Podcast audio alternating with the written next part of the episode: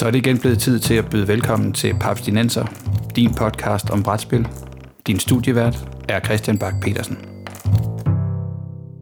Hjertelig velkommen til Paps Dinenser, Danmarks længst kørende podcast, dedikeret udelukkende til brætspil og moderne kortspil. Bag podcasten her står Papskubber, den danske side på nettet om brætspil, fyldt med nyheder, anmeldelser, regelhjælp, artikler og anbefalinger til, hvad jeres næste brætspil kan være. Mit navn er Christian Bak petersen og med mig i studiet i dag sidder Morten Greis. God aften. Og Peter Brix. God aften. Og i dag der skal vi snakke om den genre af spil, der hedder Eurogames. Vi nævner øh, tit øh, definitionen, og nogle gange bliver det sikkert sådan lidt øh, indforstået, at det ved alle, hvad det handler om. Men i dag der skal vi kigge lidt på, på genren og typen, og så skal vi dykke dybere ned i et par af dem, og det gør vi i den undergruppe af Eurogames, der er opkaldt efter byer. Uh. Men inden vi starter med det, så skal jeg lige høre, vi, øh, vi gør jo herfra, øh, fra øh, Papsnenser og fra Papskubber, meget for at pushe og hype og anbefale brætspil ud til, til, øh, til folk, man kender, og det ene og det andet. Men Peter, hvad er det sidste spil, du har øh, sådan, solgt en anden person på? Altså enten ved at spille det med dem, eller blot ved at anbefale dem? Jamen det er så sent som i forgårs.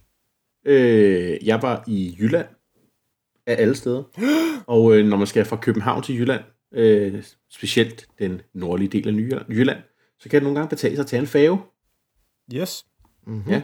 Og sådan en fave, den tager øh, i omegnen af fem kvarter. Og det betyder altså, at man kan nå lige komme op og få noget øh, buffetmad, så kan man nå at spille brætspil bagefter. Så jeg havde taget, vi var to personer, så jeg havde selvfølgelig taget patchwork med. Ja, og personen, ja. du var ude og øh, var på, øh, på overfarten med, havde aldrig spillet patchwork? Nej, det havde hun ikke. Og da I var færdige... Men alligevel...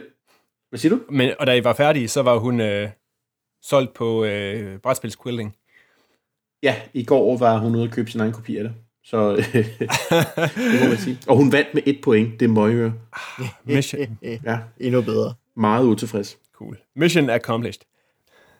Øh, jamen, øh, Patchwork, vi har også, den øh, får jo også øh, øh, pænt med anbefalinger herfra, kan man sige. Hvad med dig, Morten? Det er jo lidt det, du lever af, kan man sige. Men er der oh, noget, der yeah. sådan, nogle, nogle nylige ting, eller noget, der sådan lige ligger for, eller som var lidt ud over det sædvanlige? Vi, øh, jeg tænker, du, du, må, du gør det dagligt, men noget, der er lidt over det sædvanlige. Øh, uh. Jo, øh, jeg vil tage ikke noget, som jeg, øh, i arbejdsregi er blevet skubbet øh, nogen steder hen, men noget, jeg havde, hvad skal jeg sige, fornøjelse af at sidde og spille, og, og hvad skal jeg sige, på den måde sidde i et godt selskab, øh, spille fint spil, og opleve, at, at folk blev så engageret i spillet, at de måtte ud og, og have det selv. Og det var i det her tilfælde Azul. Yes. Mm som jo også er sådan et dejligt abstrakt øh, taktisk spil, øh, ligesom øh, Patchwork er det, nu bare for mere end to spillere, øh, hvor man jo så sidder og samler sine små fliser og lægger dem ind på sin spilleplade og prøver i en eller anden taktisk ondskabsfuldt auktionslignende system at erhverve også de rigtige glasfliser og lægge dem ind. Så man sidder med nogle meget, meget pæne komponenter i et virkelig hyggeligt spil. Ja. Cool. Jamen, det, vi, vi, vi bliver måske lidt i det abstrakte, fordi øh, jeg kom til at tænke på det her, fordi jeg er en kollega her for et par uger siden, der blev jeg spurgt, Christian, øh, du, har, øh, du har en del brætspil, ikke? og du ved noget om brætspil, ikke? og så siger jeg, jo, det må man sige. Om de havde lige købt, øh, de havde lige købt hint til jul, og det var faldet til jorden med et brag. det, hmm. det gad de bare ikke spille. Øh, men jeg så ligesom kunne, om jeg ikke kunne anbefale noget brætspil. Og så sagde jeg sådan, jo, men så nævnte jeg jo sådan frisk for sagde jeg, Nå, men Dixit, uh, Codenames, sådan nogle, de, de fungerer. Uh, så spurgte jeg så også, om man lige, lige havde nogen, uh, som han eventuelt kunne låne, fordi så nu vil han selv lige gå ud og kigge efter de her spil, men så der var nogen, han kunne låne til, fordi de fik to venner på besøg, og så skulle de spille nogle spil. Hmm. Og så gik jeg hjem og kiggede og tænkte, ah, hvad kan jeg samle? Og så tog jeg sådan forskellige, det ene og det andet, og det skulle være sådan lidt nemt at gå til. Og uh, et af de spil, der sådan lige røg ned i kassen til sidst, det var, øh, det var et spil, som jeg har taget fra Peter, det var uh, Keltis, der Vig der Steine. Nej. The Travel yeah. Edition. What? Og da jeg... Det har... og da jeg så... Det har... Nogen er blevet glade for det. Og da jeg så kommer møde, møder ind om mandagen, så fortæller min kollega Per, det der, det var simpelthen bare det, det var bare det, de var hoppet på. Og de havde bare spillet det en masse gange, og det havde bare fungeret vildt godt. Og var sådan, åh, ja, det er ind og dernede. Og sådan, at de havde bare hoppet over, jeg havde lagt uh, Carcassonne, og nogle af de sådan lidt, uh, sådan nogle klassikere i, og det ene og det andet og sådan noget, de var gået direkte efter Keltis, og var aldrig kommet videre derfra. Så, øh, og Per havde været ude og sige, ja, man kan jo ikke rigtig købe nogen steder, fordi det står ikke sådan lige på, på butikshylderne, men han havde fundet, der var op til flere til salg ude på, øh, på Den Blå Avis, så det var helt sikkert deres næste brætspilskøb. Ej, hvor er det fint. Så har de 10 kroner i min lokale genbrugs været givet godt ud. Ej, der, er, de, der, er, der har været valuta for pengene. Det må man sige. Wow. Så øh, der, vi, har, vi har sendt, øh, der er nogle øh, Reiner-fans, øh, der, lige, øh, der slet ikke ved, hvor mange øh, spil af den type, der ligger og venter derude. Nå, men som sagt, i dag der skal vi øh, som lovet snakke om øh, Eurogames, og fordi det er så bred en genre, øh, så har jeg valgt, at vi skal kigge specifikt på øh, den solide undergruppe, der er opkaldt efter byer, og rigtig mange af dem franske byer. Øh, vi plejer jo sådan lidt i, halv, i spøg og halvt i alvor i øh, Parsnenser-studiet at sige, at Eurogames, dem kan man kende ved, at øh, der altid står en alvorligt udseende mand i gammeldags tøj og stiger på noget ude i horisonten uden for kassen. Men Morten, kan du øh, krasse en tand dybere Ja, det kan sige, jeg godt. Hvad, hvad kendetegner så et euro? Um, et euro, kan man sige, er kendetegnet ved sin, uh, sin tema og sine mekanikker, uh, på den måde, det ligesom spiller sig ud. Og der tror jeg et eller andet sted, vi er nødt til sådan også at begynde at skelne mellem øh, første generations Heroes og anden generations Heroes, om man vil. Øhm, alt det her med at snakke genre og, og så videre, er altid sådan en, en lidt fuzzy størrelse, fordi der er altid ting, der ligger i kanten af en genre, og hvad med denne her, den er ikke helt, men den ligger der hen alligevel, og så videre. Øhm, så, så, det, så når jeg begynder at snakke genre, så, så er det jo altid med, øh, at der altid er sådan nogle undtagelser og grænsetilfælde. Men overordnet set, så snakker vi spil, der øh, designmæssigt har en rod i Tyskland.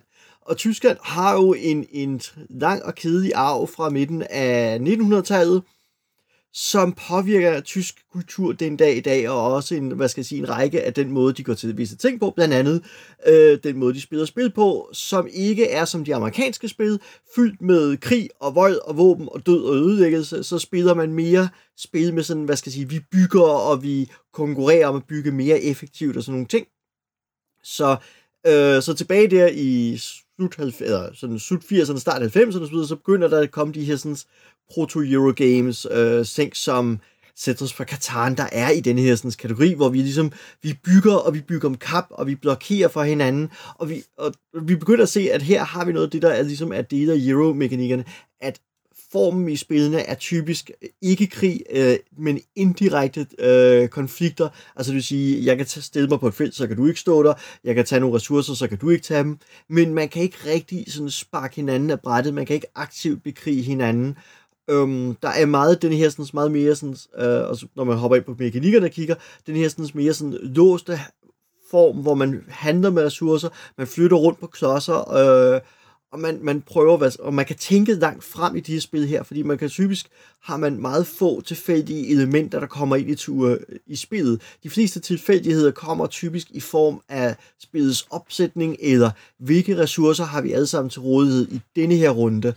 Øhm, det er nogle af de ting, der karakteriserer dem, og så stiller man Eurogames over for, øh, øh, hvad der populært kaldes øh, de amerikanske spil, eller Ameritrash, som typisk har øh, de meget mere fantasifulde temaer, og det vil sige, altså vi kan sådan visuelt skelne de her spil øh, fra at øh, sådan de jordnære emner, som typisk er de her sådan Eurogames, øh, vi er gider i øh, handelsgider i en øh, middelalder, europæisk middelalderby, eller vi er bygherrer, øh, den type spil, kontra øh, enten hardcore økonomiske spil, så, som togspillet 1830, hvor vi investerer og flytter rundt på en masse penge og har i virkeligheden en masse børsspekulation, eller amerikanske krigsspil, Axis and Allies, øhm, risk for den sags skyld, øhm, eller øh, til de amerikanske sådan farverige, tematisk stærke spil, øhm, fordi det er også en ting, der sker i Euros og Ameritrashes, det er temaet, hvorvidt spillet har en tendens til at, hvad skal jeg sige, have et påklistret tema, som en del Euros har, fordi de bliver lidt abstrakt i den måde, man flytter rundt på sine træk og sine ressourcer,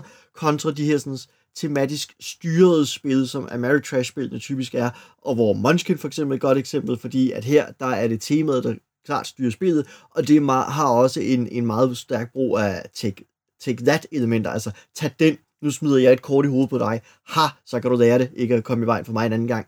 Øhm, så, så der er ligesom den her sådan, to forskellige design-traditioner, såsom altså den tyske øh, Eurogame-ting, som spredes ud af Europa, øhm, men man kan også se, at det er så her, hvor vi havde grænseområderne fra. Vi har jo snakket om tidligere, fransk design har nogle andre traditioner, britterne har nogle lidt andre traditioner, og så øh, kommer vi også hen til det, hvor jeg startede med at sige, jamen der er, hvad skal man sige, ligesom en, en første generation og en anden generation Heroes, fordi vi er også begyndt at, altså hvad skal jeg sige, vi er rykket meget ind her de sidste 5-10 år ind i en slags anden generation Euros, hvor amerikanske spildesignere tager elementer fra, Euro, øh, fra den europæiske spildesign og inkorporerer i deres spil, og europæerne tager nogle amerikanske elementer og inkorporerer i deres spil. Det er sådan noget sted, hvor vi begynder at se sådan noget som øh, Lords of Waterdeep eller Outlive, hvor man har tematisk stærke spil, som bruger mekanikkerne fra Eurogame, eller begynder at, at være Eurogames, der har take-that-elementer, hvor man lige pludselig har muligheden for at slå på en anden spiller, uh, The Manhattan Project for eksempel, hvor jeg faktisk kan bombe en anden spillers fabrikker i stykker, um, så jeg kan ikke der er ikke et bræt, jeg kan sparke spilleren ud af, men jeg kan godt erobre, eller ikke erobre, men jeg kan stadig slå på den anden spiller. Så, så det vil sige, det er noget af det, der for mig, hvad skal jeg sige, ligesom siger, vi er på vej ind i en anden generations Euro-design, som er mere hybridiseret med det amerikanske, og det tror jeg simpelthen er, at, at hele spilmiljøet på, kryds, på tværs af Atlanten er ved i stadig større omfang at rende ind i hinanden. Ja, og det er jo sjovt ikke, fordi du nævner, det, at det handler i Tyskland ikke, fordi jeg tænker, hvis man rykker til USA, så hedder det jo faktisk German Style Games, ikke? Så vil man ofte betegne det som det. Ja. Ja, ja lige Fordi- op. Enten del af designerspil. Det er simpelthen designerspil. Ja, en, et af kendetegnene var i en lang overgang, at øh, designernes øh, navn stod på forsiden af æsken, øh, hvad de ikke gjorde i USA. Du ved ikke, hvem der har designet øh, Access and Allies. Access and Allies, men der er en god chance for, at du ved, hvem der har designet Carcassonne. Det ved jeg ikke på stående fod, men Claus Teuber. du, Claus Teuber, det er rigtigt. Og, og øh, jeg skulle have sagt Ticket to Ride, men øh, Alan Moon? Alan Moon lige præcis. det er rigtigt. Øh, men ja, øh, det, var, det har i hvert fald i en, en lang overgang været en, en Det var- også en skældsættende forskel på de to typer af spil. Okay. Ja, det er jo så Det er lidt mere udvasket nu. Ja, det kan man sige. Jeg vil sige, at øh, sådan, øh, en mand som øh, Eric Lang, han, øh, han smækker i hvert fald øh, gerne sit, øh, sit, sit navn på sine, sine figureksplosioner af spil. Nå, øh, men Peter, Ja. øh, jeg kan faktisk at tænke på det her tema, da jeg ikke for lang tid siden øh, for første gang røg i infight med, øh, med, øh, med det spil, som jeg ved er en af Mortens øh, yndlingsspil. Det, der hedder, øh, og nu skal jeg lige prøve igen, det hedder Trois eller Troyer, alt efter øh, hvor man ligger trykket, og hvor, hvordan man gør det. Øh, Trøjs. Troyes. Nå, men inden vi snakker lidt mere om det, så øh, har du så øh, overhovedet nogle øh, øh, Euro-byer i din samling, Peter? Fordi jeg kan huske, at da, vi, øh, da jeg spurgte til yndlingsbyer i brætspil, der sagde du Suburbia. Ja, Det er jo ikke en by i Sydfrankrig. Nej, det er det ikke.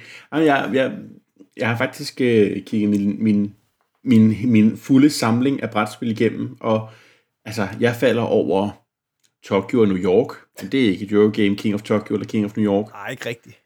Så kigger jeg sådan lidt videre, så London Dread, mm, heller ikke rigtigt Eurogame. Øh, Machikoro, tænkte jeg, men det er ikke en rigtig by, det er bare noget, de har digtet. Så jeg kan komme op på fire Euro-byspil. Carcassonne, Kely, eller Keles, St. Petersburg og Jedo. Uh, Okay. du har Jedo. Den er altså også fed. Det har jeg.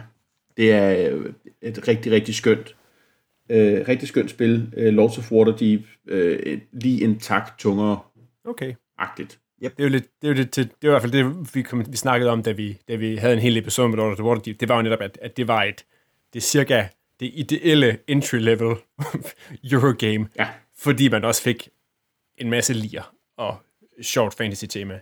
At det, det, det er en pakke, der virkelig glider dem ned. Men øh, Jedo er et, øh, et godt skridt videre derfra, siger du?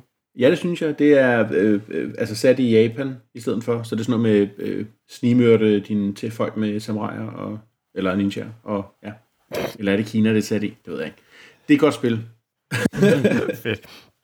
Nå, og men øh, Kaly tænker jeg, at vi vender tilbage her lige om lidt, fordi øh, jeg tænker, at vi starter med Trøj Je.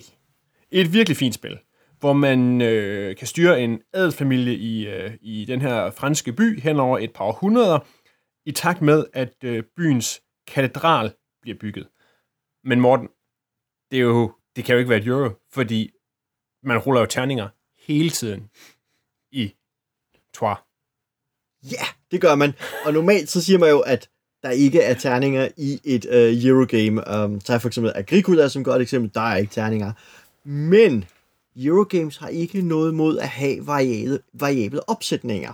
Det, øh, og det er her terningerne kommer ind i, fordi de terninger, vi bruger i de spil her, er jo ikke, det er ikke til at rulle en terning og flytte fire felter, det er ikke altså en roll and move mekanik, og det er heller ikke en, en hvad skal jeg sige, lykkes det, lykkes det ikke type mekanik, så som når vi øh, spiller Civilization, og jeg flytter en trop over for at angribe en anden spiller, og så ruller jeg en etter, og så taber jeg det hele, fordi at nu er hele spillet skævredet, fordi at jeg, spil, øh, fordi jeg rullede rigtig dårligt, eller hvad det nu er, der sker.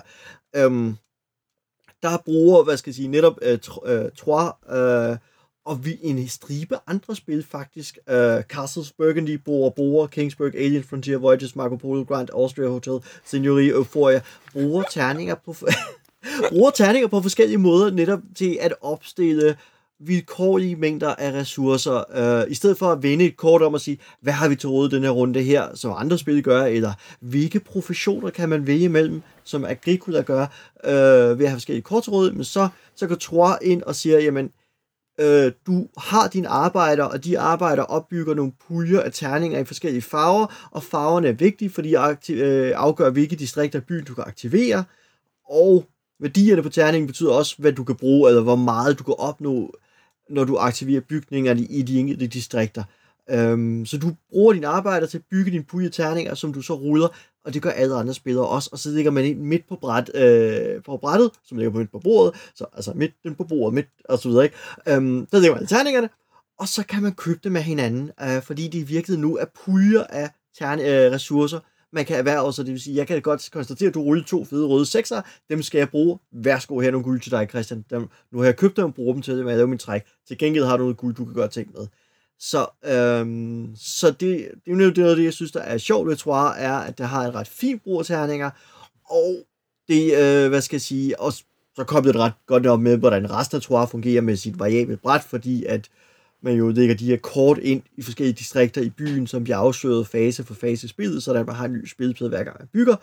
Øhm, så ja, der er terninger med, og det er en fed ting. Ja, og man kan jo faktisk også, altså nu nævner du det der med, at eller tidligere der nævnte vi det der med, at, at mange euros, ikke, der er det der med, hvor man sidder og har sit eget, og det er meget indirekte.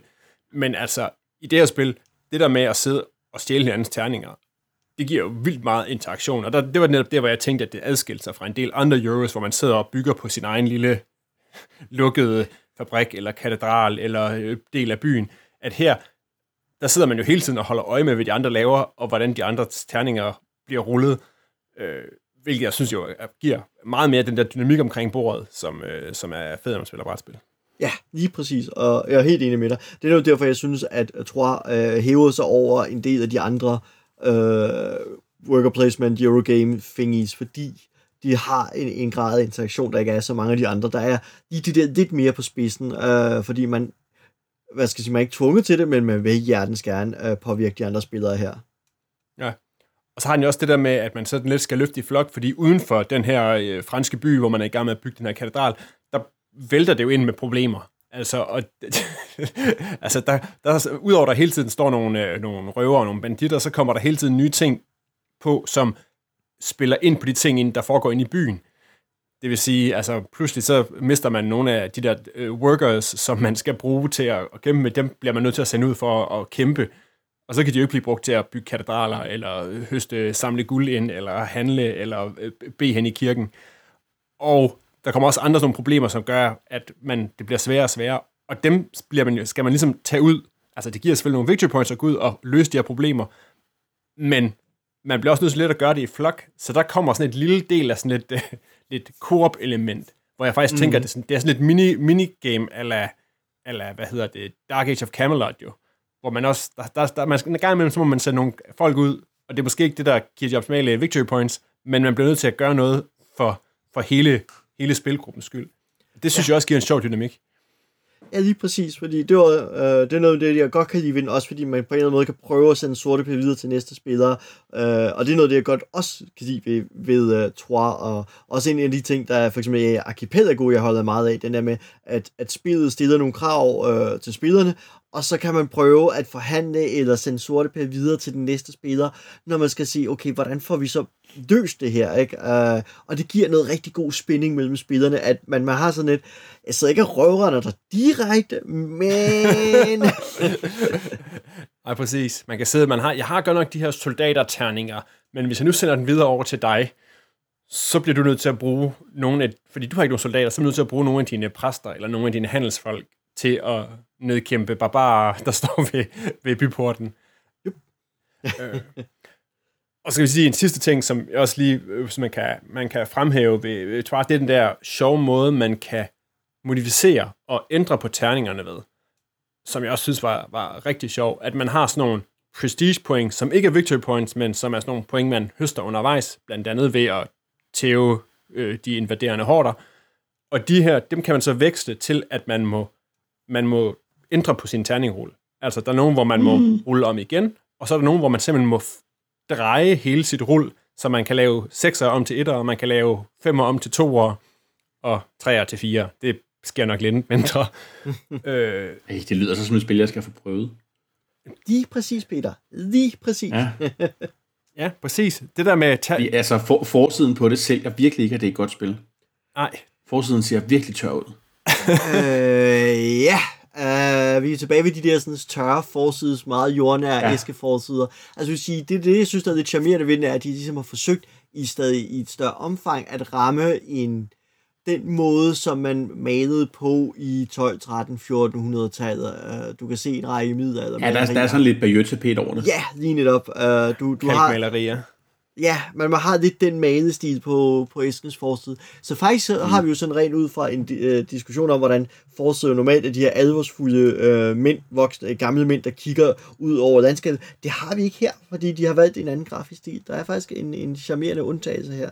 Ja. Og den går igen ind i, fordi alle, alle de her kort, som vi beskriver, man vender eventkort og sådan noget, de har den samme, så den er ført ret godt ind i.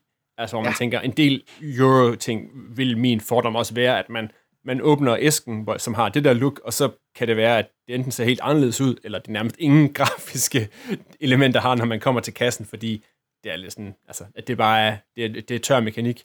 Men her, mm. det, det går faktisk igen, når man kommer ind. Jeg ved ikke, Morten, kan du sidst, har du, øh, har du spillet, øh, hvad hedder det, udvidelsen? Ja, det har jeg. Uh, jeg har Ladies prøvet, of Trois. Ja, Ladies of Trois er jo en håndfuld udvidelse i en. Uh, det vil sige, der er flere kort til de eksisterende kortstakke, der er nye mekanikker, der er bogmursmekanikken, hvor man så øh, har nogle markører, der vandrer rundt på bogmuren og aktiverer forskellige felter. Der er yoghurtterningen, og der er vist en ting mere.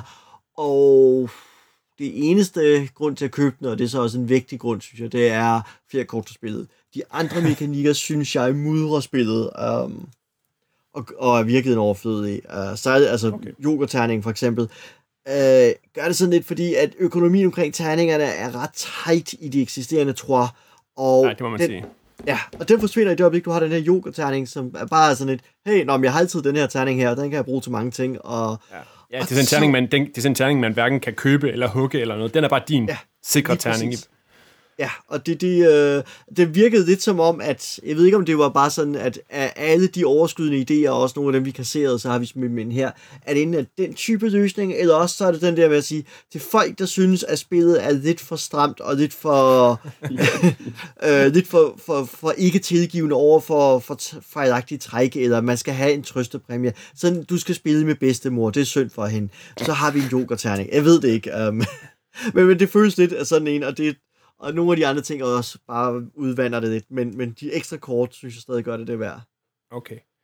Det, det, det, jeg, jeg, har kun set, øh, jeg har kun set udvidelsen, og det, det jeg stod over, det var, at det virkede igen, som du siger, som om det er noget, de har savet af det originale spil, fordi at rigtig mange af elementerne bruger brættet. Altså det der med, at man kan vandre rundt på murene, og så pludselig så kan man lægge sådan nogle små elementer uden for, for nogle porte, som man aldrig stusser over det, hvis man bare sidder og ser på grundspillet og kigger og siger, så er der en port her, ja okay, men pludselig så er der nogle brækker, hvor, hvor de her porte skal bruges på en eller anden måde. Så øh, de har, enten har de virkelig tænkt fremad, eller også så har de godt nok siddet og øh, rystet posen, hvordan man kunne, øh, kunne aktivere et ellers fint og funktionelt bræt ja. til udvidelser. Jeg tror, i det her tilfælde tror jeg mere på din sidste tese. Okay. okay. Som sagt, øh, hoved, hovedtingen i, i, i Trois er, at man jo er i gang med at bygge den her katedral. Og da jeg så faktisk, da jeg var ude og spille Trois første gang, der havde jeg et andet spil under armen. Jeg havde nemlig Caly under armen. Og udover at vi har at gøre med en fransk by, så handler det saftsus med måske ikke om at bygge en katedral, men om at bygge et slot i en fransk by med tårn og borg og fangekælder. Og Peter, de, altså nu har vi forklaret, nu har du hørt, hvad, hvordan, hvordan Troyes udspiller sig. Jeg ved, at du er glad for Caly. Kan du fortælle mig lidt, fordi ja. Jeg har ikke fået det spillet endnu, fordi vi, det var så det andet franske Euro, der røg på bordet på den tema aften. Ja, ja. Jamen, det, det kan jeg godt. Jeg, jeg, jeg- husker, vi har været forbi det en gang før, men jeg giver det gerne en kort recap. Øh, men jeg skal nok lade være med at gøre det alt for langt, så vi ikke gentager os selv for meget. Øh, jamen, Caly er... Caly er et noget tungere spil, lyder det til, end Troyes er det. Øh, har ingen terninger. Og øh, du kan sådan ret hardcore gå efter at være irriterende mod de andre spillere. Men det er jo heller ikke, det er jo ikke, så, Øh. det er jo ikke så Euro. Så er vi igen ude i, i noget, hvor man kan være nederen. Ah, men altså, det, det igen vil blokere ting. Ja. Altså, øh, så det, det Caly er, det er, at det er det, øh, hvis ikke det første, så i hvert fald det spil, som der populariserede worker placement-genren, øh, altså hvor at man sætter sine folk ud, øh, og på skift sætter folk på forskellige felter på brættet, der er kun plads til en mand på hver felt, og når runden er slut, tager man sine folk tilbage, og så får man lov til at gøre en eller anden handling, oftest enten at bygge et øh, ekstra felt, eller at øh, få nogle ressourcer til at bygge flere felter, eller i Kaly, øh, kongens slot. Men Øhm, hvorfor er det, Men- nogle gange får man jo ikke lov til at placere de her. Og det er jo det, det, er det der øh, element af, af, af fuckery med modspillerne, der er. der er nemlig øh, en, en brik, som hedder The, The Provost, eller hvordan det nu end skal udtales, som er en lille hvid, super irriterende brik, øh, så man kan få lov til at sidde og rykke frem og tilbage på, øh, på den her vej, hvor man ellers har bygget alle de her huse. Og øh, man, må ikke by, man må ikke aktivere de felter, som er længere nede ad vejen, end hvor ham her manden han er. Og det er super irriterende. Ja. Og det er simpelthen, man får, lov, man får lov til at sende ham nedad, ikke? og så sige, du har placeret dine folk der, jamen, så vil jeg godt lige betale lidt ekstra af mine, mine, mine franske middelalderpenge, for at sende ham ned på den side, hvor han så lukker ned for festen. Ja, lige præcis. Øh, han, er, han er nok det, der irriterer mig ved spillet. Han er, Men det er nok også det, der gør, spillet er, hvad det er. Men han er super træls. Øh, det er specielt udpræget i femspiller-varianten. Fordi øh, i Kely er spillet bygget op sådan, så at man kan være fra, øh, jeg tror man kan være fra to, i hvert fald tre til fem spillere. Ja. Øhm, der er i ligesom setup, bliver der lagt fire bygninger på brættet, som giver ressourcer, og en bygning, som gør man med ryg på ham her, den lille hvide mand. Når man er fem spillere, så den sidste spiller i turen har ikke andre options end at være super aggressiv. øh, det, det ødelægger lidt stemningen. det kan ødelægge en god stemning, lad mig sige det sådan. Øh, har gjort det i flere tilfælde. okay. Så jeg, jeg har ikke lyst til at spille det fem, fordi at man bliver tvunget ud i at være aggressiv på en måde, som man ikke ellers vil være det. Okay. Øh, og det, det, det gør bare, at alle er dårligere stillet pointmæssigt til sidst. Ja, det er jo sjovt. Øh, Det plejer at være sådan sådan en helt anderledes oplevelse ved to. Her der er det simpelthen øh, fem, der, øh, der knækker det hele. Fem, fem er ødelæggende for min oplevelse af spillet. Okay. Så har jeg ikke sagt for meget. Så en af, ideen er det også det der med, at man placerer de her øh, nye bygninger, man bygger ned langs sådan, den her vej, og så sender man ham, provosten, op og, op og ned ad den her vej, og ligesom blokerer ja. De bygninger. Øh, jeg har jo ikke spillet det, fordi at det var, det var Twar, der røg på. Øh, ja, en af de elementer, jeg har siddet og, sådan, og stusset over, når man kigger i læser reglerne, det er det der med, at man kan øh, rive de eksisterende bygninger ned. Mhm. Det er jeg lidt øh, fascineret af, at man sådan kan lukke ned, fordi øh, man kan jo, de her bygninger, der, der er, man kan godt, man har ejerskab over dem, men jeg kan godt benytte de bygninger, som du er ejer af. Altså, så, ja. Ja. jeg kan sende, jeg, så skal jeg betale dig nogle penge, og så må jeg godt låne din tømmer, eller det ene eller det andet. Men så er der den her rive ned mekanik. Hvordan fungerer den? Øh, jamen, hvordan fungerer den? den, den Det er, ikke, den, det er ikke sådan en, der lukker, det er ikke sådan en, der lukker festen fuldstændig ned. Altså, det kan den vel potentielt gøre. Altså, i, jeg, Jeg sidder lige, jeg sidder lige og tænker tilbage, altså, øh, og, og det skal så også være med i, at det er et par år siden, jeg har spillet Kæld sidst. Men fordi Øh. ideen, er, ideen er, at man kan, man kan rive eksisterende bygninger ned, inklusiv de Ja. der ressourcebygninger, der er til at starte med. dem kan man ry- Ja. ry- rive ned, og så simpelthen bygge øh, først, øh, hvad hedder det, beboelse, og sidenhen kan man, er det måske også dem, man kan bygge, bygge monumenter på. Men man kan simpelthen ja. øh, fjerne ressourcegivende tiles og ned og få placeret nogle ting, som kun giver dig victory points. Øh, Ja, det er rigtigt. Altså, jeg, jeg må indrømme, jeg har aldrig oplevet nogen gøre det, uden at have bygget. Der er også bygninger, der, altså, du ved, normalt får man en øh, træ af at gå hen et sted, så er der en bygning, der giver dig to træ og en mursten, eller sådan et eller andet. Øh, Jeg har aldrig Ja, ja, ja. oplevet, at man ikke har erstattet dem med det.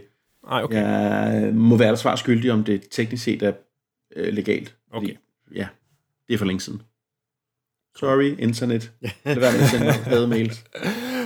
Øh, Jeg skynder mig at skrive et med det her sammen. Top, top, top, top. Hademail til Mailen er Peter. petersnabel.papskubber.dk okay. Men altså, en, en tand tungere end Trois, men stadigvæk sådan meget øh, høj kvalitet og øh, virkelig øh, klassisk, og kan nogle af de der ting, som, som Eurogames er, er bedst til. Kan vi ikke ja. Ja. blive enige om det? Mm. Det kan vi godt blive enige om. Cool. Har vi, inden vi runder af, nogle andre øh, gode byer klemt ned i en brætspilsæske? Fordi, ja, Peter, du nævnte også øh, St. Petersburg. Jeg har haft Strasbourg ja. stående. Det Uh. endte jeg med, det Stefan Felt, som har stået bag rigtig mange af de her. Han er ret glad for at, at designe, designe øh, europæiske middelalderbyer. Øh, men det har jeg aldrig fået spillet. Øh, Der har jeg prøvet. Okay. Er der nogle af de her andre byspil, vi lige skal, skal nævne, øh, hvis vi skal have en, øh, en honorable mentions i en episode om europæiske middelalderbyer klemt ned i Eurobrætspil? Så der er jeg lidt fristet til at nævne, øh, altså både noget, der er semi-gammelt, eller så som øh, Colonia, altså det vil sige Køln eller Cologne, øh, den, hed- men i den her version, øh, spillet hedder Colonia, øh, som en af de ældre, som jeg synes er meget charmerende, fordi man igen, man er givet i en by, man skal bygge nogle ting, men man har en frygtelig masse gidefolk, altså alle sine små kuber, som man anbringer i de forskellige stadier rundt om i byen, der repræsenterer ugens gang. Øh, og der er en sjov form for bølge frem og tilbage i spillet, fordi når man har masser af gidefolk om mandagen, så mangler man dem om søndagen, og når man har masser om søndagen, så mangler man dem om mandagen. Og, og de bevæger sig ligesom frem og tilbage hen over brættet i en form for bølge nærmest, øh, som giver en, en ret sjov måde at sidde til trække frem og tilbage for at få sine øh, ressourcer til at være på de rigtige steder, fordi om mandagen så stemmer man øh, ugens regel igennem om tirsdagen, så går man på markedet, og senere går man ind og får, øh, får alle de ting, man har købt, sat til, til øh, produceret til øh, nye varer, som man så går i havn og sælger, og når de så er skibet afsted, jamen så får man penge, man går og køber religier for, så man kan vinde status i byen for at have købt og få alle smukke religier til kirken. Og der er sådan en... Ja, øhm, det, det er meget teknisk, men det er meget charmerende spil, der griber fat i nogle sjove elementer omkring middelaldersamfund. Um, så jeg synes, Colonia er en sjov størrelse.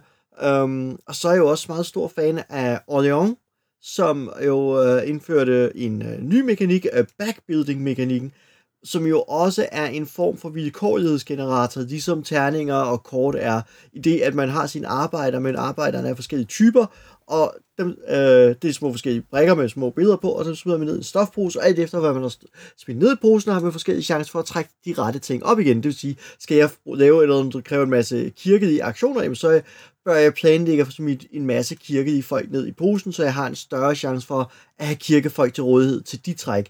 Og det synes jeg gør Orléans til en ret sjov størrelse, når man sidder og prøver at bygge sin del af byen op, og der er noget fint engine building, lidt tableau building i spillet, øh, ved siden af det lidt specialiserede former for, for worker placement elementer. Og det er jo et det er en af de sådan, rigtig hotte titler. Ikke? Den er jo, så vidt jeg husker, i, i hvert fald top 50 på, på Board Game Geek, og det er sådan en, jeg tit ser, ser fremhævet. Ikke? Og det er været, Ja. er det en 3-4 år gammel eller sådan noget, og har kommet øh, ja, kommet tre en hav. måske, eller deromkring. en god håndfuld udvidelse også til, og, sådan Ja. noget, og er virkelig, virkelig blevet en, en, en populær titel. Ja, helt klart, og det synes jeg også er, er fint fortjent af det. Jeg har selv været ret glad for at spille det. Okay. Altså, Peter, har du nogen, du vil, du vil name drop inden? Har du, hvornår har du sidst spillet dit St. Petersburg? Det har jeg ikke lyst til at snakke om. Okay, så... øhm, jeg, har spillet, jeg har spillet rigtig, rigtig, rigtig, rigtig, rigtig meget St. Petersborg online. Øh, Okay. På, på den tyske hjemmeside, der hedder Yukatar. Ja. Som jeg klart kan anbefale folk, der godt kan lide at spille brætspil. Og Okay, også gøre det online. Øh, men jeg har faktisk købt det nu, Okay, så nu skal det, nu skal det, nu skal det spilles rigtigt. fedt. Øh, jeg har så købt den gamle udgave, øh, og ikke den nye fancy med ekstra udvidelse i og sådan noget. Men øh, det går nok også. Ja, start med det. Cool. Men lad os sige, at vi med det er nået til denne, øh, enden af denne episode af Papsnenser, hvor vi har snakket øh, europæiske byer, som de ser ud i brætspil. Find øh, links til, øh, til Orléans og St. Petersborg, og vi ellers har rundet på www.papscore.dk-podcast. Og anbefaler os meget gerne jeres gode øh, Eurogames og bytitelspil på Papskubbers Facebook-side. Hvis du har input eller indspark til udsendelsen, så send dem meget gerne til papsnenser og øh, husk at rate os på iTunes. Det var alt for denne gang, og sammen med mig, stigende alvorligt ud i horisonten, var Morten Greis og Peter Brix. Papsnenser er produceret af Bo Jørgensen og Christian Beckmann. Jeg hedder Christian Bak petersen og på vegne af Papsnenser ønsker jeg god fornøjelse med turen ud i de franske byer. Bum,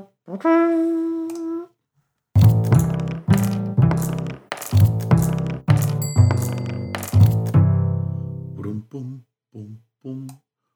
Bum, bum, bum, bum. Bum, bum.